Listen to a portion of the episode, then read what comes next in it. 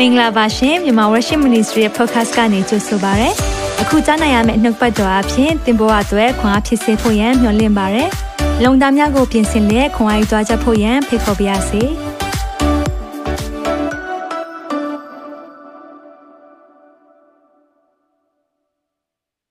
Shalom Church အရောက်စီတိုင်းကိုဒီနေ့ပြန်လည်ပြီးကြိုဆိုပါရယ်။ဘုရားရှင်နာမ၌အရောက်စီတိုင်းကိုဒီနေ့ကြိုဆိုရယ်။ဘုရားရှင်သိကောင်းမြတ်တာဖြစ်တယ်။ day 13ဖြစ်သွားပြီဆိုတော့ day 13ဖြစ်ပြီဆိုတော့မနေ့ဖြစ်ဆိုရင်တော့ကျွန်တော်တို့နှစ်ပတ်ပြည့်ပြီအာမင်ဖျာရှင်ခွန်အားဆက်လက်ပြီးတော့ပေးပါစေဆိုတော့ day 13ရောက်လာပြီဆိုတော့ကျွန်တော်တို့လေ့လာနေတဲ့အစာရှောင်ခြင်းရဲ့ရည်ရွယ်ချက်ပေါ့နော်ရည်ရွယ်ချက်လေးတချို့ကိုပြန်ပြီးတော့ကျွန်တော်တို့အာတခါပြန်လည်ပြီးတော့နောက်တစ်မျိုးနဲ့ကြည်အောင်เนาะဆိုတော့အစာရှောင်ခြင်းမှာရည်ရွယ်ချက်ရှိတယ်အဓိကရည်ရွယ်ချက်ကတော့ဖျားမျက်နာရှာတာပဲ အဓိကရွယ်ချက်ကတော့ကျွန်တော်တို့မှာလိုအပ်ချက်တွေရှိမယ်အကူအညီလိုတဲ့အရာရှိတယ်ဒါပေမဲ့ဖရားရဲ့လမ်းပြခြင်းဖရားမျက်နှာကိုရှာတယ်အဲ့ဒီခါမှာဖရားကူမတဲ့အရာတွေဖရားလမ်းပြတဲ့အရာတွေရှိတယ်ဒါကြောင့်ဒီနေ့မှလည်းအတူတကွလေ့လာရအောင်မလေ့လာခင်မှာပေါ့နော်ကျွန်တော်တတိခန့်ချက်လေးတစ်ခုကိုပြောပြခြင်းနဲ့အဲ့ဒီတတိခန့်ချက်ကတော့အာကျွန်တော်ချေရတယ်အန်ဒီအာရမ်ကပို့လာတာပေါ့နော်လက်ရေးလေးနဲ့ရေးပြီးပို့လာတာဖြစ်တယ်ဆိုတော့အဲ့ဒီမှာ ဘာကိုခွန်အားရလဲဆိုတော့ပြီးခဲ့တဲ့ဆင်မမစီနှုတ်ဘတ်တော်ဟောပြီးတဲ့ခါမှာတင်လိုက်တဲ့ post လေးတစ်ခုပေါ့နော်အဲ့ဒါကမာရီနဲ့မာတာအကြောင်းတင်တဲ့အရာပေါ့နော်အဲ့ဒီမှာဖះနဲ့အချိန်ယူနေပေမဲ့ဖိဖះအတွက်လုံနေပေမဲ့ဖះနဲ့ဝေးတဲ့သူမဖြစ်ပါစေနဲ့ဆိုတော့အဲ့ဒီအရာလေးကိုအယံမဲ့တိုးထီတယ်ဆိုပြီးတော့တသက်ခံလာတဲ့အရာဖြစ်ပါတယ်အဲ့ဒါကတော့ဖះနဲ့ကိုရောနဲ့ ကိုရောအတွက်အလုပ်လုပ်ပြီးတော့တဲ့ကိုရောနဲ့ဝေးနေတဲ့သူမဖြစ်ပါစေနဲ့ဆိုတော့အဲ့ဒီ post လေးကတော့အန်တီအတွက်အရန်ခံစားရတယ်တဲ့အလုပ်များနေတာလုပ်နေတာကိုရောအတွက်ပါပဲသို့တော့အလုပ်တွေပြီးပြီးတော့အသက်ကလည်းရလာတော့အရင်ကလို့ဖျားနဲ့အချိန်ယူခြင်းအားနေလာတယ်ဒီတန့်အချိန်ယူခြင်းမှာအာပို့ပြီးတော့အားနေလာတယ်ဒီအတွက်ဖျားကသူ့ကိုပြန်လဲပြီးတော့ဗောနော် ဒီရဲ့ post လေးနဲ့စကားပြောတယ်ဆိုတဲ့အရာလေးအခုဆရာတင်ထားတဲ့ဒီ post ကဘုရားသခင်ကသူနဲ့တည်တဲ့အချိန်ယူဖို့နှိုးဆော်လိုက်တယ်လို့ပါပဲတဲ့ဂျေဇုတင်ပါတယ်တဲ့အဲ့ဒီစာပိုက်လေးနှစ်ကြောင်းကအန်တီကိုဖះနဲ့အချိန်ယူဖို့တွင်တင်လိုက်တဲ့ဖះစကားဖြစ်နေတဲ့အတွက်ကြောင့်မလို့အလင်းပေးခြင်းခံရတဲ့အတွက်ဂျေဇုတင်ပါတယ်လို့ရေးလာပါတယ်เนาะဒါကြောင့်မလို့ကျွန်တော်တို့တခါလေးမှာဖះအတွက်လုပ်နေတဲ့သူတွေပါအားလုံးကဖះအတွက်ကျွန်တော်တို့တွေအများကြီးကျွန်တော်လုပ်ကြတယ်ဒါပေမဲ့ အဲတစ်ချိန်တည်းမှာပဲကျွန်တော်တို့အရေးကြီးတာကဖျားနဲ့အချိန်ယူတော်သူများဖြစ်ရအောင်အာမင်ဒါကြောင့်ခဏလောက်ကျွန်တော်အသက်တာကိုပြန်လဲအစက္ကရအောင်ကိုယ့်ရဲ့အသက်တာမှာဖျားစကားပြောခြင်းဒီနေ့မှာကြားရဖို့လိုတယ်ဒါကြောင့်ခဏလောက်ဝန်ခံဆုတောင်းရအောင်အသက်ရှင်တော်ဖျားနာမတော်ကိုချီးမွမ်းပါတယ် day 13တိုင်အောင်ပို့ဆောင်ပြီးတဲ့ဖျားကိုရိုနာမတော်ကပါဆက်ဆက်ပုံကြည်ပါစေ ဒီနေ့နှုတ်ဘတ်တော်အားဖြင့်ကျွန်တော်တို့သက်တာကိုတာ၍ခွန်အားပေးပါကိုရောရဲ့လမ်းပြခြင်းနဲ့ဆောင်းမခြင်းအထူးလိုအပ်ပါတယ်ဒီနှုတ်ဘတ်တော်အပြီးမှလည်းကိုရောကျွန်တော်ဆူတောင်းမဲ့အရာတွေမှာစာ၍ဒီနေ့လိုအပ်တဲ့သူများကိုကိုရောရဲ့နှုတ်ဘတ်တော်အားဖြင့်ကိုရောခွန်အားပေးစကားပြောပါအသုံးတော်ခံမဲ့ကျွန်တော်အစဉ်သင့်ဖြစ်ပါပြီဝိညာဉ်တော်ရဲ့အလိုတော်ကိုတရားမတရားဝန်ခံပါတယ်သခင်ယေရှုရဲ့မြတ်တော်နာမ၌စက္ကန့်နဲ့ဆူတောင်းပါ၏ အာမင်ဝန်ခံနေကြနှုတ်ပတ်တော်လည်းဒီကွာဝန်ခံရအောင်ဒီနှစ်သုံးနှုတ်ကပတ်တော်သည်ကျွန်ုပ်ခြေရှိမှမိခွဲဖြစ်၍ကျွန်ုပ်လမ်းကြီးကိုလင်းစေပါ၏ဒီနေ့နှုတ်ပတ်တော်ရတဲ့အခါမှာအလင်းရမယ်အာမင်စာကြောင်းလေးတစ်ကြောင်းနှစ်ကြောင်းဖြစ်ပါစေဘုရားစကားပြောတယ်ဆိုရင်သင်သိတယ်သင်ကိုပြောနေပြီဘုရားအယမ်းချစ်တယ်ဘုရားဖြစ်တယ်ကျွန်တော်တို့ကိုဒါကြောင့်မလို့အဘယ်သူမျှပျက်စီးစေခြင်းက အလိုမရှိဘူးဒါကြောင့်သူရဲ့မျက်မှောက်တော်ထဲမှာကျွန်တော်တို့ကိုအားလုံးကိုတွေးခြင်းနဲ့ဘုရားဖြစ်တယ်အာမင်ဆိုတော့ဒီဒီ day 13မှာတော့ကျွန်တော်တို့ဘာအကြောင်းကိုလေ့လာသွားမလဲဒီနေ့မှတချို့ join ဖြစ်တဲ့သူရှိကောင်းရှိမယ်เนาะဒီနှစ်ထဲမှာအစာမရှောင်ရသေးဘူးလို့ပြောတဲ့သူရှိတယ်မနောက်ကြသေးဘူးတပတ်မိသေးတယ်တပတ် နောက်ကိုမနေ့ဖြစ်မနေ့ဖြစ်ဆိုတပတ်ပြည့်ပြီမနေ့ဖြစ်မှစမယ်တပတ်မိပါသေးတယ်เนาะဒါကြောင့်ပါဝင်စေချင်တယ်အာဖះရှင်ကပို့ဆောင်မယ်ဆိုရင်ယုံကြည်ပါအကယ်၍သင်ပါဝင်မယ်ဆိုရင်တော့အချိန်ပြည့်စာရှောင်လို့ရတယ်ညနေ3နာရီအထိဒါမှမဟုတ်ရင်6နာရီအထိပေါ့နော်ရှောင်လို့ရတယ်ဒါမှမဟုတ်ရင်လည်းတနတ်စာရှောင်လို့ရတယ်ဒါမှမဟုတ်ရင်အချိုအစိမ့်နဲ့ဟင်းသီးဟင်းရွက်အချိုအစိမ့်တွေရှောင်ပြီးတော့ဟင်းသီးဟင်းရွက်နဲ့ရေပဲ စားသုံးတဲ့ဒိုင်လအစာရှောင်ခြင်းဒီအကြောင်းလည်းနောက်တစ်ပတ်ထင်းမှာကျွန်တော်ဒိုင်လအစာရှောင်ခြင်းကိုလည်းပြောပြပေးခြင်းနဲ့ အားလုံးလောက်ရမှာကတော့မီဒီယာရှောင်ရမယ်ကျွန်တော်တို့ဖုန်းတွေ TikTok တွေเนาะကျွန်တော်သုံးနေတဲ့အရာတွေကိုခဏလောက်ဒီချိန်မှာနားထားပြီးတော့ဖရားရဲ့နှုတ်ပတ်တော်နဲ့အချိန်ယူရအောင်လို့เนาะဒါလေးကိုပြောပြချင်တယ်ဆိုတော့ကျွန်တော်အစာရှောင်ခြင်းရဲ့ရည်ရွယ်ချက်တွေကိုအခုလေ့လာလာတာဆိုရင်တော့စာရှောင်ခြင်းရည်ရွယ်ချက်တွေအခုဘယ်နှခုရှိသွားပြီလဲ ပထမတစ်ခုကလမ်းညွန်ချက်အတွက်စာရှောင်ခြင်းဆိုတဲ့အရာကိုလေ့လာခဲ့တယ်ဆိုတော့ဖခင်ကကျွန်တော်တို့ဘာလုပ်စေချင်လဲရှင်ပေါလုလည်းမျက်စိကန်းသွားတယ်ဓမ္မသက်မြို့အဝင်လေးမှာသခင်ရှုပေါ်လာပြီးတော့လင်းကနေဖြစ်တဲ့ခါမှာမျက်စိကန်းသွားသူ့ရဲ့ရည်ရွယ်ချက်ကခရိယန်တွေကိုတတ်ဖို့ညှင်းဆဲဖို့ဖမ်းဆီးဖို့လုပ်ပေမဲ့ဖခင်ကသူ့အတွက်ခေါ်ထားတဲ့တီးတန့်လူဖြစ်တဲ့ခါမှာအဲ့ဒီအချိန်မှာဖခင်ကသူ့ကိုခေါ်တယ်ခေါ်တဲ့အခါမှာတော့သူ၃ရက်အစာရှောင်ပြီးတဲ့အခါမှာ ဖခင်ဖြစ်စေခြင်းတဲ့အရာကိုသူလုပ်တယ်နောက်ပြီးရင်ကျွန်တော်ကောနီလေးရဲ့အစာရှောင်ခြင်းကြောင့်လည်းဒီနိုင်မှာလေ့လာခဲ့တယ်အဲ့ဒါကတော့တပါးမျိုးသားတွေတန်ရှင်သောဝိညာဉ်တော်ရဖို့အကြောင်းအစာရှောင်တဲ့အခါမှာဖခင်ကလမ်းဖွင့်ပေးတယ်ဒါကြောင့်လမ်းညွန်ချက်အတွက်အစာရှောင်တဲ့အရာကိုလေ့လာခဲ့တယ်နောက်အမှုတော်လုပ်ငန်းပေါ့နော် ministry တခုခုစခြင်းနေဆိုရင်အစာရှောင်ရမယ်ဒါကိုကျွန်တော်တို့သခင်ယေရှုရဲ့အစာရှောင်ခြင်းနဲ့ day 10မှာကျွန်တော်လေ့လာခဲ့ကြတယ် အာဒီຢာတွေအားဖြင့်ပေါ့နော် KB လွတ်သွားရင် YouTube မှာ or Facebook မှာအားလုံးရှိတယ်เนาะကျွန်တော်ဒါကိုပြန်လည်ပြီးတော့လေ့လာစေချင်တယ်သခင်ယေရှုရဲ့အစာရှောင်ခြင်းဒါကတော့ရက်နေ့40ပေါ့နော်ဒါကတော့တကယ့်ကိုဖခင်ကခေါ်မှတာလှုပ်တဲ့အရာဖြစ်တယ်ဒါကိုလည်းနားလည်ဖို့ဖြစ်တယ်ဆိုတော့ဒီနေ့ဘာအကြောင်းလေးလာမလဲအသက်ဘေးမှလွတ်မြောက်ရန်အစာရှောင်ခြင်းဆိုတဲ့အကြောင်းလေးနဲ့ပြောပြချင်တယ်အသက်ဘေးမှလွတ်မြောက် ရန်အစာရှောင်ခြင်းဒါကတော့အေးဒရာဘီမရဲ့အစာရှောင်ခြင်းကိုလေ့လာရအောင်เนาะဆိုတော့ဒီနေ့တော့အိမ်စားကတော့အေးဒရာအေးဒရာဝိတုအယံမများအယံတော့ အာမများပါဘူးเนาะဖတ်မယ်ဆိုရင်အေဒရာဝတ္ထုတစ်ခန်းလုံးဖတ်ခြင်းအဖြစ်ဘလောက်အထိကောင်းကြီးဖြစ်လဲဆိုတာပေါ့เนาะသူကပုံမြင်လေးလိုဖြစ်တဲ့ခါမှာအရန်ခက်ခဲတာမဟုတ်ပါဘူးဒါကြောင့်ဒီနေ့မှာအိမ်စာတစ်ခါတည်းပေးပါတယ်အေဒရာဝတ္ထုတစ်ခုလုံးကိုဖတ်ပြီးတော့ဒီရဲ့အစာရှောင်ခြင်းဟာဘလောက်အထိတကူကြီးတယ်လဲဖခင်ကဘလောက်အထိအာလမ်းဖွင့်တယ်လဲဆိုတာကိုဒီနေ့လေ့လာရအောင်အာမင်ဆိုတော့အေဒရာဘီမရဲ့အစာရှောင်ခြင်းအကြောင်းကိုဒီနေ့လေ့လာရအောင်ဆိုတော့ ဣဒရာဘယင်မကြီးက तू ကဘယင်မမဖြစ်ခင်မှာ तू ကသူ့ရဲ့အသက်တာဘယ်လိုရှိခဲ့တယ်လဲဒါလေးကိုနည်းနည်းလေးเนาะဇလန်းလေးနားလည်အောင်ပြောပြချင်တယ်ဆိုတော့ဒီဣဒရာဘယင်မလက်ထက်ပေါ့ तू ကယူရလူမျိုးဂျူးတွေဖြစ်တယ်ဒါပေမဲ့အဲ့ဒီချိန်တုန်းကသူတို့ကဘာဘူးလုံကိုခေါ်သွားခံရတာဟုတ်เนาะဆိုတော့ဖျားစကားနားဖောင်တဲ့ခါမှာတိုင်းပြည်ကလူတွေကကျူးကျော်ပြီးတော့ เนาะအကုန်လုံးကိုခေါ်သွားတယ်အဲ့လိုခေါ်သွားတဲ့အချိန်မှာဘာဘူးလုံးခစ်ပြီးတော့ဘာခစ်လာလဲဆိုတော့မေဒီပရတိဆိုတာအီရန်ခစ်ပေါ့ဘာဘူးလုံးကအီရတ်เนาะအီရတ်အင်ဘာရာပေါ့เนาะဘာဘူးလုံးခစ်ပြီးတော့အဲ့ဒါပြီးတာ ਨੇ ပရတိဆိုတာပါရှာပါရှာခစ်ဆိုတာအီရန်ကိုပြောချင်တာအဲ့ဒီဘယင်ပေါ့အီရန်ဘယင်လက်ထက်မှာဖြစ်ခဲ့တဲ့အကြောင်းလေးကိုပြောပြချင်တယ်ဆိုတော့ အီရန်ဘယင်ပေါ့နော်ဒီပါရှာမေဒီပရတိရှင်ဘယင်သူ့နာမည်ကရှင်ဘယင်အာရွှေယူလို့ခေါ်တယ်ဆိုတော့သူတိုင်းပြည်ကအဲ့ဒီချန်ကပောက်အုပ်ချုပ်တဲ့ခါမှာတိုင်းပြည်ကအရန်ကြီးတယ်ဘယ်လောက်ရှိလဲဆိုတော့128ปี128ปีအုပ်ချုပ်တယ်မင်းနော်ဆိုတော့အတိုင်းတိုင်း PPR လူတွေအားလုံးသူဖိတ်ပြီးတော့ပွဲကျင်းပါတယ်ဆိုတော့ခုနှစ်ရက်ပွဲကျင်းပါပြီးတော့သူတို့တွေအားလုံး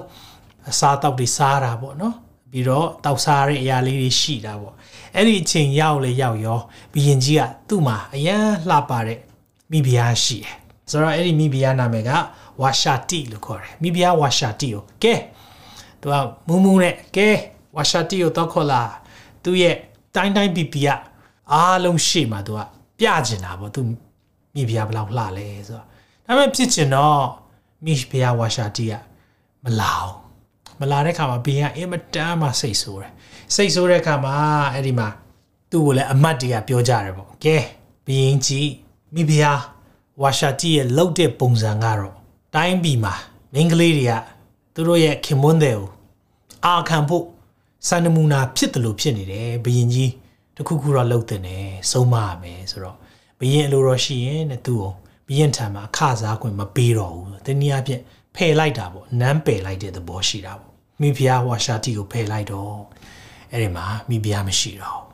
မိဖုရားမရှိတဲ့ခါမှာသူလဲအားလုံးပွဲတွေပြီးအမှုပြေတော့မိဖုရားမရှိတော့သူပြန်တန်းတာတယ်အဲ့ဒီချိန်ကျတော့မူမတ်တီယာဒါဆိုရင်ဘဘီရင်ကြီးအလိုတော်ရှိတယ်ဆိုရင်တော့နောက်မိဖုရားတယောက်ကိုတင်ရအောင်တတိုင်းပြည်လုံးမှာအလှဆုံးအမျိုးသမီးတွေတည်းတယောက်ကိုရှာရအောင်ဆိုအဲ့ဒီအချိန်မှာဘသူပါလာလဲဆိုတော့ Esther ဆိုတဲ့အေးဒရာပါလာတယ် ဆိုတော့အေးဒရာအဲ့လိုပါလာရတဲ့အကြောင်းရင်းတစ်ခုကပါလဲဆိုတော့အဲ့ဒီရှင်ဘီရဲ့အာရွှေယူရဲ့ဒီနန်းတော်တကမူကယူရလူပဲဂျူးပဲသူ့နာမည်ကမော်ဒဂဲလို့ခေါ်တယ်ဆိုတော့မော်ဒဂဲနဲ့အေးဒရာကဝင်းခွဲမောင်နှမတော်တယ်ဆိုတော့ဘယင်ဘယင်ကမိဖုရားရွေးတယ်ဆိုတဲ့အခါမှာအဲ့ဒီမှာဆက်ဆက်တွေဖြစ်သွားပြီးတော့နန်းတော်ထဲရောက်ဖို့အကြောင်းဖြစ်သွားတယ် အဲ့ဒါနဲ့အားလုံးထဲမှာလူတို့ရှင်းပြောမယ်ဆိုရင်တော့ဘယင်နှစ်သက်တဲ့တယောက်ကဘယ်သူဖြစ်နေလဲဆိုတော့အေးဒရာဖြစ်နေတယ်အဲ့ဒါနဲ့အေးဒရာကိုမိဖုရားအရာမှာခွဲခန့်လိုက်တယ်အဲ့ဒါကတပိုင်းပေါ့ဆိုတော့နန်းတော်တကစားမော်ဒဂဲကဖះကိုကူးကွယ်တဲ့သူဖြစ်တဲ့ခါမှာဘယင်ကြီးကိုလည်းတိတ်တစ္ဆာရှိတယ်တစ်ခေါက်ကနန်းတော်တကစားနှစ်ယောက်ကဘယင်ကြီးကိုလှုပ်ကြံဖို့စီစဉ်တဲ့အရာတွေရှိတယ်အဲ့ဒီစီစဉ်တဲ့အရာတွေအားလုံးကို မော်ဒဂဲကပေါ်ထုတ်ပြီးတော့ဘယင်ကိုပြောလိုက်တဲ့ခါမှာဘယင်အသက်ကိုကယ်ပေးလိုက်တယ်အဲ့ဒီအတွက်ဘယင်ကမှတ်တမ်းတင်ထားတယ်ဒါပေမဲ့ဖြစ်ချင်တော့မော်ဒဂဲကိုစုချီးမြင့်တာတွေပါတယ်မလုပ်ဖြစ်ခဲ့ဘူးအကြောင်းမျိုးမျိုးကြောင့်ပေါ့နော်အဲ့လိုအခြေအနေဖြစ်တယ်အဲ့ဒါနဲ့အဲ့ဒီဇက်လန်ထဲမှာ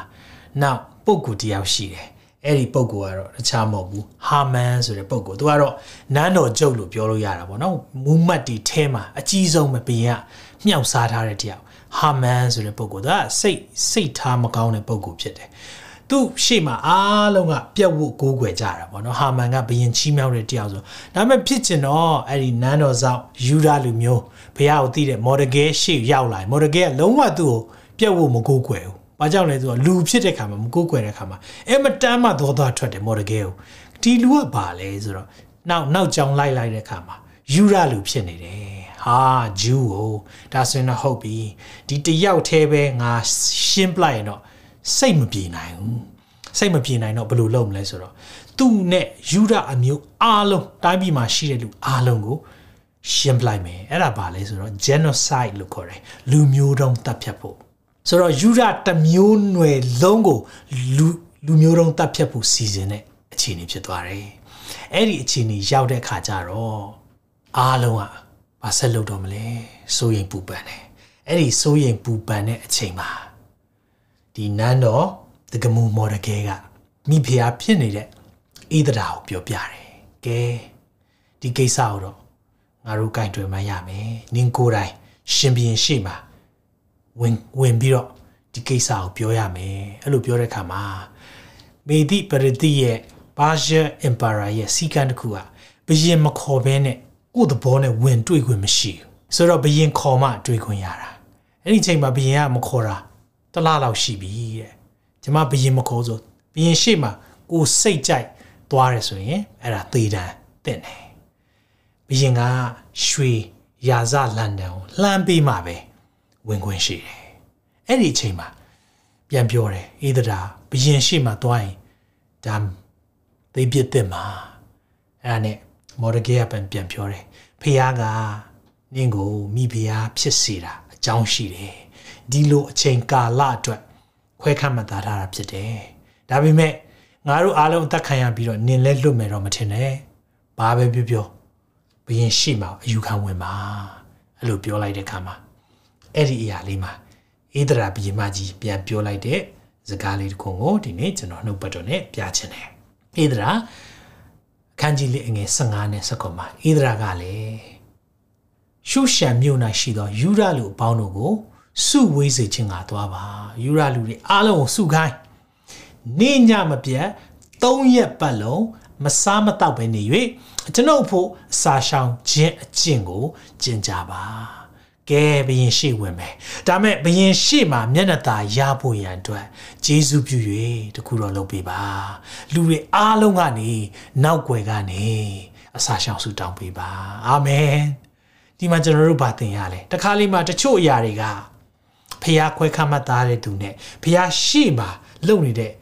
ခေါင်းဆောင်ရှိတယ်ကျွန်တော်တို့ဘယ်လိုပံ့ပိုးမလဲနောက်ွယ်ကနေအစာရှောင်ဆုတောင်းတာတညီတညွတ်သေး ဒါအားလုံးနဲ့ဆိုင်တယ်ဒါကြောင့်မလို့မြန်မာပြည်အရေးအားလုံးနဲ့ဆိုင်တယ်မြန်မာပြည်မှာ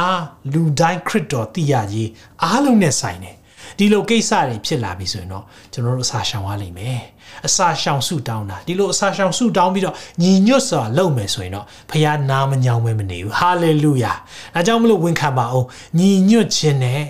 ဖခင်မျက်နှာသာရခြင်းကို ရှာမယ်ဟာလေလုယာညီညွတ်ခြင်းနဲ့အစာရှောင်ခြင်းမှာဖခင်မျက်နှာသာရမှာဒါကြောင့်ဒီမှာဧဒရာပြန်ပြောတယ်ကျွန်ုပ်ဒီလေ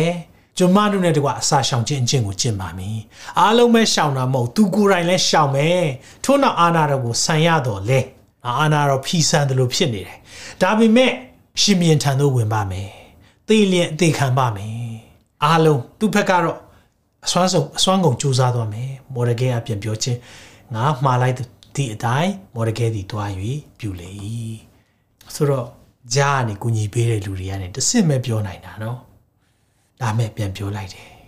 ကျမအတွက်အားလုံးရှောင်ပေးပါကျမလည်းအစားရှောင်မယ်ရှင်ဘီရင်ကိုဝင်တွေ့မယ်သေပြစ်သိရင်လည်းအသေးခံပါမယ်ဖခင်ရဲ့အကြံစီနဲ့အလိုတော်ကိုသိတဲ့သူကလေကိုကျိုးပဲမရှာဘူးဒါတော့မဆိုင်ဘူးလေမင်းတို့ဖြစ်တာလေငါတော့ဟုတ်တယ်ဒါပေမဲ့ငါကတော့ နန်းတော်မှာနေတယ်ဆိုတော့လုံခြုံတယ်အဲ့ဒီစိတ်နဲ့မရှိအသက်မရှိဘူးဒါကြောင့်ဖခင်ချီးမြှောက်တဲ့သူဟာဖခင်ထားတဲ့အကြံစီကိုသိတယ်ဟာလေလုယာဝန်ခံပါအောင်ဖခင်ချီးမြှောက်တဲ့သူဟာဖခင်ရဲ့အကြံစီကိုသိတယ်ဖခင်ကြံစီသိတယ်သူကိုဖခင်ချီးမြှောက်ထားတာဒါငါလူမျိုးတွေအတွက်ဖြစ်ရမယ်ဒါကြောင့်လေဒီနေ့ဒီခါလေးမှာကျွန်တော်တို့ချီးမြှောက်ခံရတဲ့အခါမှာကျွန်တော်တို့ကကိုယ့်လူမျိုးတော်တွေကိုမကြည့်ချင်တော့ အဲ့လိုမလုပ်ပါနဲ့ဒီနေ့အေးဒေတာအေးဒတာဘီယမကြီးကိုကြည့်တဲ့အခါမှာသူ့ကိုချီးမြှောက်တယ်ဘရင်ရှေ့မှာမျက်နှာသာရတယ်ဘရင်အကြိုက်ဆုံးတတိုင်းပြည်လုံးတော့128တိုင်းပြည်အားလုံးကိုအုပ်ချုပ်တယ်ဆိုတော့တိုင်းတိုင်းပြည်ပြည်ကအလှဆုံးနေအချောဆုံးနေအရင်ကြီးဆုံးနေပို့တဲ့ထဲမှာမှဖခင်သူ့ကိုခွဲခန့်တယ်အဲ့ဒီခွဲခန့်တဲ့အရာအားလုံးအတွက်သူလုပ်ရမယ်ဟာလေလုယာအဲ့ဒါနဲ့သူအစာရှောင်ဆုတောင်းတယ်ဒါမဲ့ တစ်ဖက်မှာဒီနန်းတော်ချုပ်ဟာမန်မသိလိုက်တာကမိဖုရားအေးဒရာကလည်းယူရလူမျိုးဖြစ်တယ်ဆိုတော့ तू ကမသိဘူးမသိတဲ့အခါမှာ तू ကတော့ तू စိတ်ကြိုက်ကြံစီနေတာဘလောက်ထိကြံစီလဲဆိုတော့ကဲတိုင်းတိုင်းပြည်ပြည်မှာရှိတဲ့သူတွေကိုယူရလူမျိုးတွေကို तू ရှင်းပြမယ်ဆိုတော့ဘရင်ရဲ့အမိန့်စာကို तू ရအောင်ယူတယ်ယင်ကြီးတိုင်းပြည်ထဲမှာလေလောမလိုက်လျှောက်တဲ့အ ဖွဲ့တွေရှိတယ်။ဘီရင်ကြီးရဲ့အာဏာကိုလေစန့်ကျင်တဲ့လူမျိုးစုရှိတယ်သိလား။အဲ့ဒီလူမျိုးစုကိုလေရှင်းပြရတဲ့အခွင့်ပေးပါ။ဘီရင်ကြီးကလည်းဘယ်သူမှမသိဘူး။ Okay ယုံတာလေနော်။ဟုတ်ပြီလေဒါဆိုရင်လေအဲ့ဒါနဲ့ဟာမန်ကိုအခွင့်ပေးလိုက်တယ်။အမိန်စာနဲ့တိုင်းတိုင်းပြည်ပြည်ကိုပို့လိုက်တဲ့ခါမှာဒါလူတွေကတော့ပြင်ဆင်နေပြီယူရအမျိုးရှိသမျှလူမျိုးတုံးတတ်မယ်နေရတကဒါပေမဲ့ တခုတည်လာမိတ်ဆွေအစာရှောင်ဆုတောင်းခြင်းမှာဖခင်အလုံးလုပ်တယ်ဟာလေလုယာဖခင်လူမျိုးတွေကိုဖခင်ကာကွယ်မှာဒါမဲ့ဖခင်ကဘာကြောင့်မလို့ကာကွယ်ပေးတာလဲတခုပဲဖခင်မျက်နာကိုရှာတဲ့အစာရှောင်ဆုတောင်းခြင်းအဲ့ဒီရဲ့နောက်ွယ်မှာချိုးဖောက်ခြင်းရတာအတားအဆီးတွေရှိတယ်အဲ့ဒီအတွက်ချိုးဖောက်ဖို့ရန်အတွက်သင်ဘဝမှာအတားအဆီးရှိတယ်အစာရှောင်ပါဆုတောင်းပါ သင်ဘဝမှာသေရေးရှင်ရေးကိစ္စဖြစ်နေပြီအစာရှောင်ပါဆုတောင်းပါသင်ဘဝမှာအသက်ဘေးကကြုံနေရပြီအစာရှောင်ရမယ်ဆုတောင်းရမယ်အဲ့ဒီလိုလုပ်တဲ့အခါမှာဘုရားကယ်ပါတယ်ဟာမန်ကသူစိတ်ကူးရရင်သူ့အိမ်မှာဘယ်လောက်ထိလှုပ်ထားလဲဘယ်လောက်ထိလှုပ်လဲဆိုတော့85ပေအမြင့်ရှိတဲ့လယ်ဆွဲတိုင်းဆိုတာအဲ့ဒီမှာမော်ဒဂဲကိုတင်မယ်ဆိုပြီး तू ကကောင်းကောင်းစီစဉ်ထားတာအဲ့လိုလုပ်တယ် အဲ့လိုလုပ်တဲ့အချိန်မှာဖြစ်ချင်တော့ဣဒရာဘီယမကြီးကလည်းဘီရင်စီမှာအရဲဆွန်ပြီးတော့ဝင်ထဲလိုက်တယ်ဒါပေမဲ့ဖြစ်ချင်တော့ဆူတောင်းထားတဲ့တကူလေနော်အစာရှောင်ထားတဲ့တကူအဲ့ဒီမှာဖျားမျက်နှာသာရတော့ဘီရင်ကြီးကလည်းရွှေရာဇလန်နံခံပေးပြီးတော့ဣဒရာဘီမကြီးဘာလို့ရှိတာလဲဘာကိစ္စရှိတာလဲငါတိုင်းပြည်တဝက်ပေးရမယ်ဆိုရင်တော့ပေးမယ်နော်ဝေါဂတိတွေကအများကြီးပေးပလိုက်ပြီအဲ့ဒါနဲ့ဘီရင်ကြီးအလိုရှိတယ်ဆိုရင် ကျမစားပွဲတစ်ခုပြင်ဆင်ခြင်းနဲ့အဲ့ဒီကိုလာခဲ့ပါဒါလေးပဲတောင်းဆိုချင်ပါတယ်ဟုတ်ပြီဒါဆိုရင်တော့လာခဲ့မယ်ဒါပေမဲ့အဲ့ဒီညမှာဘီရင်ကြီးကအိတ်မပြောအိတ်မပြော the king cannot sleep အဲ့ဒါနဲ့ယေနန်းတော်ရဲ့ရာဇဝင်တွေဖတ်ပြပါတဲ့ဖတ်ပြတယ်ဟိုကလည်းဖတ်ပြတဲ့ခါမှာသူ့ကိုတတ်ဖြတ်ဖို့ လောက်ကျန်တဲ့ကိစ္စကိုဖော်ထုတ်ပေးတဲ့မော်ဒဂေရဲ့အကြောင်းကိုလည်းတွေ့ရတယ်တွေ့လဲတွေ့လိုက်ရတော့ဟာမော်ဒဂေကငါစုချီးမြှင့်ပြီးပြီလားမချီးမြှင့်ရသေးဘူးဟာဒါငါကြံခဲ့တာပဲအဲ့ဒါနဲ့ချီးမြှင့်ရမယ်ဒါဆိုရင်ငါတယောက်ယောက်တော့ခိုင်းမှရမယ်ဖြစ်ချင်တော့အဲ့ဒီအချိန်မှာပဲနန်းတော်ကျုပ်ဟာမန်ကလည်းနန်းတော်ထဲမှာရောက်နေတာသူကတော့အကွက်ကြံနေတာပေါ့ သူယူရလူတွေကိုရှင်းပစ်ဖို့ဆိုအဲ့ဒီအချိန်လေးမှာကဲဟာမန်လာခဲ့ပါအောင်ဆိုတော့လာလာတော့ဟာမန်ဘယင်ကြီးချီးမြှောက်ခြင်းတဲ့သူကိုဘယ်လိုချီးမြှောက်တဲ့တယ်လို့ထင်လဲဟာ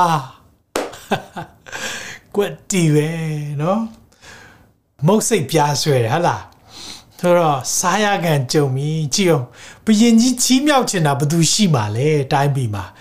ငါပဲဖြစ်မှာပေါ့ ဟာမန်စဉ်းစားတယ်အဲ့ဒါနဲ့သူ့စိတ်ထဲမှာပုံဖော်ထားတဲ့အတိုင်းဟေးဘီရင်ကြီးချီးမြှောက်ခြင်းတဲ့လူကလေဆိုပြီးတော့သူပုံဖော်တဲ့အတိုင်းပဲဘီရင်ကြီးရဲ့မြင်းထဲမှာစီးခိုင်းလိုက်ပြီးရင်လူတွေအားလုံးရှေ့မှာခေါ်သွားပြီးတော့ဘီရင်ချီးမြှောက်ခြင်းတဲ့တယောက်ကဒီလိုဖျားဟိုဒီလိုချီးမြှောက်တယ်နော်ဆိုတာပြောရမယ်တိတ်ကောင်းတဲ့ကြံပဲကဲမင်းပြောတဲ့အတိုင်းလေနန်းတော်တကမူမော်ရဂဲကိုလှုပ်ပေးလိုက်ဟာ စဉ်းစားကြည့်နော်ဘယ်လိုခံစားရမလဲဟာငါတပ်ဖို့ကြံစီထားတဲ့တယောက်ကဘယင်ကထတ်တောင်ချီးမြှောက်တယ်ဒါပေမဲ့ဘယင်အမိန်ဆိုတော့လေအမလေဇွဲရင်းနဲ့ဘယင်ချီးမြှောက်တဲ့ဟာတွေအားလုံးကိုတော့ကိုုံလုံးနဲ့မြင်းပေါ်တင်ပြီးတော့သူကိုယ်တိုင်អော်ပေးရတယ်ဘယင်ချီးမြှောက်တဲ့တယောက်ကဒီတယောက်ပဲမိတ်ဆွေလူဆိုးတို့အကြောင်းကြောင့်စိတ်မပူနဲ့မတရားသဖြင့်ပြုသောသူတို့ကိုမညှူစုနဲ့38ခုမြောက်သောစာလံမှာမကြာမမြင့်မီညှိုးသော မြက်ပင်ကဲ့သို့ရိတ်ချင်းခံရမယ်ဟာလေလုယာဒါကြောင့်မလို့လေစိတ်မပူနဲ့ဒီမနာလူတဲ့သူတွေမကောင်းကြံတဲ့သူတွေဖျားဖြည့်ရှင်းလိမ့်မယ်ဖျားနီးယာမနဲ့ဖြည့်ရှင်းအဲ့ဒီကိစ္စတွေကိုနော်မော်ဒဂဲကဝင်ပြီးတော့ဟာဘီရင်ကြီးကျွန်တော်ဒီလိုလှုပ်ထားတာမှတ်မိသေးလားဖះမချီးမြောက်ဘူးလေသူ့ဒီနေ့တစ်ခါနေမှာလေဖះချီးမြောက်တဲ့အချိန်မှာဖះမချီးမြောက်ခံရဘူးလို့ခံစားရဆိုရင်ခဏလေးဒီခံဆောင်ပေးလိုက် ဖះကြီးမားတဲ့အကြံစီရှိတယ်စဉ်းစားကြည့်နော်ဘယင်ဘယင်ရဲ့တက်အနေကိုကျွန်တော်ကာကွယ်ပေးတာလေကျွန်တော်ဒီလိုမလုပ်တိုင်းဘယင်ကခုချိန်သိနေမှာလေကျွန်တော်လည်းဘာမှလည်းမပေးပါလား no အဲ့လိုမပြောဘယင်ချီးမြှောက်မဲ့ချိန်ဒီနေ့ဒါကြောင့်လေချီးမြှောက်ခြင်းဆိုတာဖះစီရပဲလာတယ်ဖះရဲ့ timing ကအကောင်းဆုံးဖြစ်တယ်အဲကြောင့်ဝန်ခံပါ ဖះချီးမြှောက်တာပဲအကောင်းဆုံးဖြစ်တယ်လို့ဝန်ခံပါဘာကြောင့်လဲသိလားလူချီးမြှောက်ရင်လူကဆွဲကြလို့ရတယ် let god promote you let god promote you ဘုရားချီးမြှောက်တာပဲကောင်းတယ်အဲ့ဒါနဲ့စိတ်တွေပြက်ပြီးတော့အိမ်ပြန်သွားတယ်ဟာမန်ကြီးอ่ะဒါပေမဲ့သူ့မှာသတင်းကောင်းတစ်ခုကြားတာပါလဲဆိုတော့ဣဒရာဘီမကြီးရတယ်သူ့ကိုခေါ်တယ်တဲ့ဘယင်နဲ့သူပဲတီးသက် စားပွဲကိုတက်ဖို့ခေါ်တယ်ဆိုတော့ဘာပဲပြောပြောသူအရန်ပေါ့နော်ဟာဘယင်ကြီးနဲ့သူ့ကိုပဲစားပွဲတက်ဖို့ခေါ်တယ်ဆိုတော့သူကအင်မတန်မှစိတ်ပျော်တာပေါ့အဲ့ဒါနဲ့လူတို့ရှင်းပြောမယ်ဆိုရင်စားပွဲတက်တဲ့ခါမှာဣဒရာဘီမကြီးနော်နှစ်ရက်ဆက်တိုက်ခေါ်တာပေါ့အဲ့နဲ့ဣဒရာဘီမကြီးဘာလို့ချင်တာလဲအဲ့မှာပြောလိုက်တယ်ရှင်ဘုရားကျမတို့အမျိုးတွေကျမရဲ့အမျိုးနွယ်အားလုံးကိုတပ်ဖြတ်ဖို့ရန်အတွက် ကြံစီနေပြီဟာဘီရန်တော့ကန်တယ်ဘသူလောက်တာလဲအဲ့ဒါဒီလူယုံမှာဟာမန်လောက်တာအာဘာမှပြောစရာမရှိဘီရင်ကတအားစိတ်တူပြီးထွက်သွားအဲ့ဒီအချိန်မှာဧဒရာဘီယမကြီးကလည်းယူရာလူမျိုးမှန်ဖြစ်မှန်းလဲသိရောဖြစ်ချင်တော့ဟာမန်ကအကြီးအကျယ်တောင်းပန်တော့ဟိုဘယင်ကြီးကလည်းဖြစ်ချင်တော့ပြန်ဝင်လာတဲ့အချိန်နဲ့ကြုံတဲ့ခါမှာကြည်အောင်ကြည်အောင်ငါရဲ့မိဖုရားတော်မှမင်း မတရားကြင်ကြံခြင်းတဲ့လူပဲအဲနဲ့ဖန်းစီအဲနဲ့တီးသွားတယ်သူ့အိမ်မှာ85ပေမြင့်တဲ့လေဆွဲတိုင်းပြင်ဆင်ထားတယ်အေးဟုတ်လားအဲ့ဒီမှာပဲသူ့ကိုတတ်လိုက်တယ်မကောင်းကြံသူစပါမကောင်းကြံဘေးရန်ထိတာပဲမရဘူးဖះကတော့ဖះရဲ့သားသမီးတွေကိုမြဲကာကွယ်တယ်။ဒါပေမဲ့အဲ့ဒီရဲ့ကာကွယ်ခြင်းရဲ့နောက်ွယ်မှာတခုမိတ်ဆွေသတိထားမိလား။ ဒီနေ့မှာလေပြဿနာမဖြေရှင်းခင်မှာဖះကိုရင်ရှာတယ်ပြဿနာမကင်တွယ်ခင်မှာဖះနဲ့အချိန်အရင်ယူတယ်ဒါကြောင့်မိတ်ဆွေဒီနေ့ကျွန်တော်တို့အစာရှောင်ခြင်းဒီ2024တစ်လျှောက်လုံးမှာကျွန်တော်ပြဿနာကြုံမှာပါအခက်ခဲတွေကြုံမှာပါအတားအဆီးတွေကြုံမှာပါအဲ့ဒီအချိန်မှာအဲ့ဒါတွေမရင်ဆိုင်ခင်မှာနေ့ရက်ပထမအဆုံး27ရက်ကိုကိုရော့ကိုပေးတယ်နော် ယုံကြည်ပါဖခင်ရဲ့ချီးမြှောက်ခြင်းလာလိမ့်မယ်အာမင်ယုံကြည်ပါ promotion လာမယ်တချို့တွေအလုပ်မှာ promotion မရတာသိကြပြီဒါပေမဲ့ယုံကြည်ပါသင်အစာရှောင်ဆုတောင်းတယ် hallelujah ဒီနေ့မှာ hallelujah ဖခင်ရဲ့ပို့ဆောင်ခြင်းအထူးရှိလိမ့်မယ်သင်ရဲ့သက်သာအချိန်ထဲမှာပဲ ဖះမျက်နှာသာရှာတဲ့အခါမှာဖះမျက်နှာသာပေးမယ်ချီးမြှောက်ခြင်းလဲလာတယ်လို့အသက်အန္တရာယ်ရှိတဲ့သူတွေလည်းဖះရဲ့ကွယ်ကားခြင်းရှိလိမ့်မယ်ဒါကြောင့်ပြဿနာမဖြေရှင်းခင်မှာဖះကိုအရင်ရှာတော်သူများဖြစ်ရအောင်အာမင်ဒီရဲ့သင်ခန်းစာဒီရဲ့ story ကနေဘာသင်ခန်းစာရတယ်ညီညွတ်စွာအစာရှောင်ခြင်းဖျားမျက်နှာသားကိုရှာတဲ့အစာရှောင်ခြင်းဖြစ်တယ်စစ်မှန်တဲ့အစာရှောင်ခြင်းဖြစ်တယ်ဆိုရင်လေအတားအဆီးတွေချူဖောင်နိုင်နိုင်မယ် ပြီးရင်နောက်တစ်ခုအသိအရေးကြီးတယ်မင်းအာနာဇက်တွေရဲ့အမိန့်ကိုလည်းပြောင်းလဲစေနိုင်တယ်နော်ဟာလေလုယာအဲ့ဒီမှာဘုရင်ကြီးကအမိန့်ပြန်ထုတ်လိုက်တယ်ပရိသတ်ရဲ့အမိန့်ကဘုရင်ကထုတ်ပြီးရင်ပြန်ပြီးတော့ဖြတ်လို့မရဘူးဒါကြောင့်မလို့ဒိန်လာချင်းသွချင်းချင်းသွတွင်းထဲမှာထဲ့မယ်လို့ပြောတဲ့ခါမှာလည်းပြန်ပြောင်းလို့မရဘူးသူတို့အမိန့်ကထုတ်ပြီးပြီဆိုရင်ဒါပေမဲ့ဘုရင်ကနောက်အမိန့်ထုတ်လိုက်တယ်ယူရလူတွေကိုတိုက်ခိုက်မဲ့သူတွေကိုယူရတွေကကာကွယ်ခွင့်ရှိတယ် ဆိုပြီးတော့အမိန့်ထုတ်လိုက်တာပေါ့ပြောချင်တာကဖျားနှစ်သက်တဲ့အစာရှောင်ခြင်းဖြစ်တယ်ဖျားနှစ်သက်တဲ့စီးလုံးညီညွတ်တာအဲ့ဒီမှာတော့တယောက်မကြံယူရတယ်အစာရှောင်တယ်ဒါအရေးကြီးတာညီညွတ်ခြင်းကျွန်မြန်မာပြည်ကိုလွတ်မြောက်စေခြင်းတယ်ညီညွတ်စွာအစာရှောင်ဖို့လိုတယ်တယောက်တစ်ပေါက်လုံနေလို့မရဘူးတယောက်တစ်ပေါက်တစ်ဖွဲ့ရလှုပ်တယ်တစ်ဖွဲ့ရမလှုပ်ဘူးဒီလိုလုံနေလို့မရဘူးမြန်မာပြည်သူပြည်သားတွေမှန်တယ် ဖះကိုတည်တော်သူဖြစ်တယ်ဆိုရင်အသင်းတော်အားလုံးဟာတညီတညွတ်ထဲနဲ့အစာရှောင်ဆူတောင်းဖို့လိုတယ်။အဲဒီလိုဆူတောင်းခြင်းနောက်ွယ်မှာမင်းအာနာဇက်တီအမိန်ကိုဖះပြောင်းလဲပေးနိုင်တယ်။ဟာလေလုယာ။နောက်ဆုံးတစ်ခုဟာအသက်ဘေးကနေလွတ်မြောက်တယ်။အဲကြောင့်သင်ရဲ့အသက်တာမှာအသက်ဘေးကလွတ်မြောက်ဖို့မင်းအာနာဇက်အမိန်တွေကိုဖះပြောင်းပေးဖို့ဒါမှမဟုတ်အတားအဆီးတွေကိုချိုးဖောက်ခြင်းရဖို့ရန်အတွက်သင်ရဲ့အသက်တာမှာလိုအပ်တယ်ဆိုရင်ဒီကနေ့မှာ ကောင်းဆုံးသောအရာသည်အစာရှောင်ဆုတောင်းခြင်းဖြစ်တယ်။ဒါကြောင့်ဒီနေ့အစာရှောင်ခြင်းရဲ့ရည်ရွယ်ချက်တစ်ခုဟာအသက်ဘေးကနေလွတ်မြောက်ဖို့ဖြစ်တယ်။မိတ်ဆွေဒီနေ့နားလည်ပြီလား။ဒီနေ့အစာရှောင်ခြင်းဘယ်လောက်တကူရှိလဲသင်သိပါစေ။ဒီရဲ့အသက်တာမှာအစာရှောင်ခြင်းဟာဒါကငါတို့ကျင့်ရတဲ့အရာပဲ။ငါတို့ဒါကခရိယန်ဖြစ်လို့လုပ်တယ်။အဲ့ဒီထက်ပိုတယ်။ဖះမျောလင်းထားတဲ့အရာ၃ခုတည်းတစ်ခုဖြစ်သလိုတစ်ချိန်တည်းမှာပဲ။ အဲ့ဒီစာရှောင်ခြင်းရဲ့နောက်ွယ်မှာမမြင်ရတဲ့အရာတွေအားလုံးမှာနေပယ်မမြင်ရတဲ့နေပယ်မှာဖရားရဲ့မျက်နှာသားတွေရောက်ပြီးတော့သင်အတွက်ချိုးဖောက်မှုတွေရမယ်ယုံကြည်ပါနေကျွန်တော်ဆုတောင်းပေးခြင်းနဲ့ကျွန်တော်တို့ဘသူတွေအတွက်ဆုတောင်းပေးခြင်းလဲညှင်းဆဲခံနေရတဲ့အသင်းတော်တွေအတွက်ဆုတောင်းပေးခြင်းနဲ့ညှင်းဆဲခံနေရတဲ့ယုံကြည်သူတွေရှိတယ်ကျွန်တော်တို့တွေအများကြီးလွတ်လပ်စွာကိုးကွယ်ခွင့်ရတယ်မြန်မာပြည်မှာရောနောက်ပြီးရင်ကျွန်တော်တို့ ဒီမှာဩစတြေးလျမှာဒါမဲ့နိုင်ဂျီးရီးယားမှာဆိုရင်ခရီးယန်ဖြစ်လို့အသက်ခံရတယ်ပါကစ္စတန်မှာခရီးယန်ဖြစ်လို့အသက်ခံရတယ်အီရန်မှာခရီးယန်ဖြစ်လို့အသက်ခံရတယ်ချိုင်းနာမှာခရီးယန်ဖြစ်လို့အသက်ခံရတယ် North Korea မှာခရီးယန်ဖြစ်လို့ကျန်းစာအုပ်ရှိတယ်ုံအသက်ခံရတယ်မိတ်ဆွေတရုတ်ဒီမြေအောက်အသင်းတော်တစ်ခုမှာကျန်းစာအုပ်တွေကိုမှောင်ခိုသွင်းပြီးတော့ ပထမအဦးဆုံးကျန်းစာရတဲ့ချိန်ပါလေသူတို့တွေငိုကြတာကျန်းစာအုပ်ကိုဖက်နှမ်းတာသူတို့တသက်လုံးလိုချင်ခဲ့တဲ့ဘုရားရဲ့တမန်ကျန်းစာကျွန်တော်တို့ကဖုံတက်နေတယ်လောက်ရှက်ဖို့ကောင်းလဲကျွန်တော်တို့ကဖုံတက်နေတယ်ဒီကျန်းစာအုပ်ကကျွန်တော်မဖတ်ဘူး PowerPoint ထိုးပေးမှာပေါ့ကျွန်တော်ကိုယ်တိုင်မဖတ်ဘူးဒီနေ့သင်ရဲ့ကျန်းစာအုပ်ဖုံတက်တာမှဖြစ်ပါစေနဲ့သင်ရဲ့ကျန်းစာအုပ်အလှတင်ထားတဲ့ စာအုပ်စင်ပေါ်စာအုပ်တို့မဖြစ်ပါစေနဲ့အသက်ရှင်တဲ့ဘုရားရဲ့နှုတ်ကပတ်တော်ဖြစ်တယ်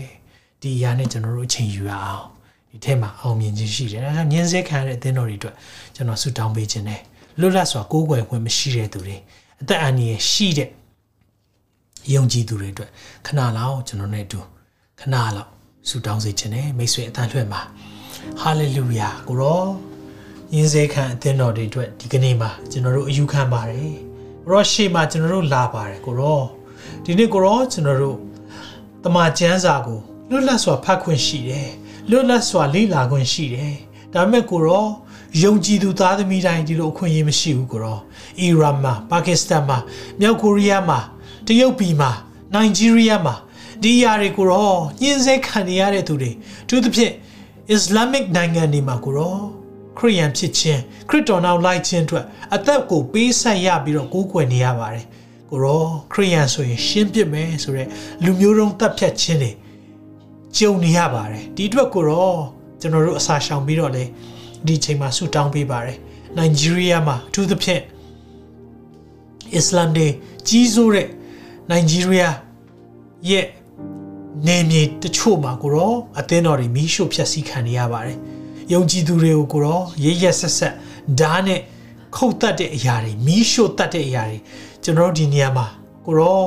ကိုတော့ကျွန်တော်တို့ရဲ့ခရစ်တော်နိုင်ညီကိုတွေခရစ်တော်နိုင်ညီမတွေအတွက်အယူခံဝင်ပြီးဆုတောင်းပါတယ်ကိုတော့တစ်ချိန်တည်းမှာပဲကိုတော့ကျွန်တော်တို့ဖုန်တက်နေတဲ့တမန်ကျမ်းစာအတွက်လဲကိုရောရှိမှဝင်ချတောင်းပန်ပါတယ်နောင်တရပါတယ်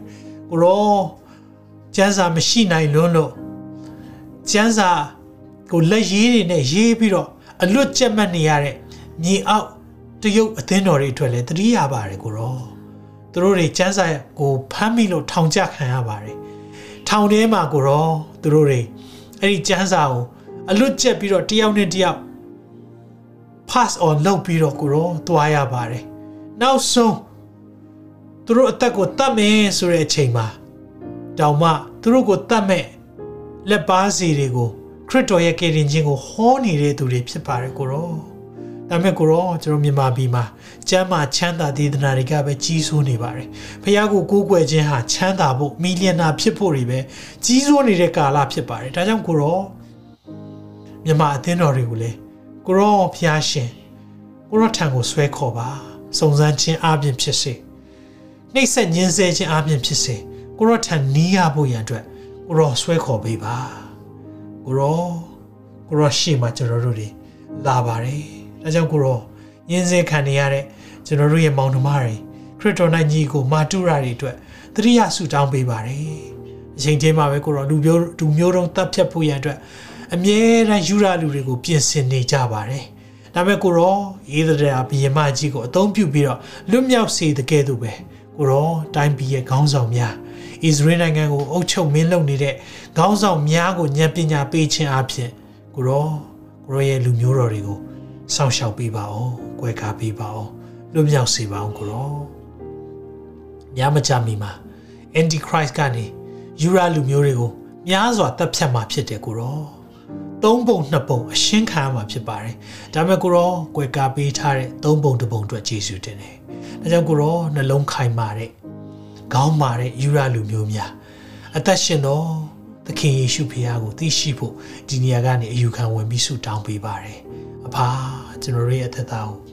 ပြန်လဲပြီးတော့ကိုရထံကိုဆွဲခေါ်ပေးလို့ယေရှုတင်တယ်ဒီနေ့နှုတ်ကပတ်တော်အားဖြင့်အသက်တာမှာအစာရှောင်ခြင်းရဲ့တကူအစာရှောင်ခြင်းရဲ့နောက်ွယ်ကကောင်းကြီးများကိုလေနားလဲပြီးတော့ကိုရောကျွန်တော်တို့မြန်မာပြည်မှာအသက်ဘေးကြုံတဲ့အခါမှာအစာရှောင်နိုင်သောယုံကြည်သူများဖြစ်စေပါအတားအဆီးတွေကြုံတဲ့အခါမှာအစာရှောင်ဆုတောင်းနိုင်သောသူများဖြစ်စေပါမင်းအာနာဇက်တွေအမိန့်တွေကြုံရတဲ့အခါမှာဒီအရာတွေအားလုံးကိုပြန်လဲပြီးပြောင်းပေးနိုင်တဲ့အရာတွေအစာရှောင်ဆုတောင်းခြင်းဖြစ်တယ်ဆိုတဲ့အရာကိုယုံကြည်သူများနားလည်လျက်အသက်တာမှာထူခြားပြီးတော့ကိုရောနဲ့ရှောက်လန်းနိုင်သောယုံကြည်သူများဖြစ်စေပါမိကြောင်းကျွန်တော်တို့အသက်သက်သခင်ကဲခြင်းတော်မူသောသခင်ယေရှုနာမ၌ဤဆုလုံးစုံကို တောင်းလျှောက်ကြပါ၏ပါအာမင်အာမင်ကျွန်တော်ဒီနေ့မှာလည်းဆက်လက်ပြီးတော့ကိုယ်အချိန်မှာဆုတောင်းပါယင်းစေခံတင်တော်တွေအတွက်ကျွန်တော်ဆုတောင်းပေးရအောင်အဲဒီယင်းစေခြင်းကျွန်တော်အသက်တာမှာရောက်လာရင်လေ သာဓုသစ္စာရှိလျက်အဆုံးတိုင်အောင်တည်ကြည်သောယုံကြည်သူများခရိယန်များဖြစ်ပါမိကြောင်းဘုရားရှင်ကခွန်အားပေးပါစေဘုရားလိုတော်ရှိရင်မနေ့ပြန်ထုတ်လွှင့်ချက်မှာပြန်လည်ဆုံတွေ့ပါအောင်မယ်အားလုံးကိုယေရှုနာမ၌ကောင်းချီးပေးပါရယ် God bless you all တင်ခုလိုနာဆင်ခွန်အားနိုင်ခြင်းဟာမြန်မာ Worship Ministry ကိုလာဆင်ပန်ပိုးနေကြတဲ့ Kingdom Partners များအကြောင်းဖြစ်ပါတယ်။ဖျားခင်နိုင်ငံတော်ကျယ်ပြန့်ရေးအတွက်လာဆင်ပေးကမ်းပောင်းဖို့ရန်ဖိတ်ခေါ်လိုပါတယ်ရှင်။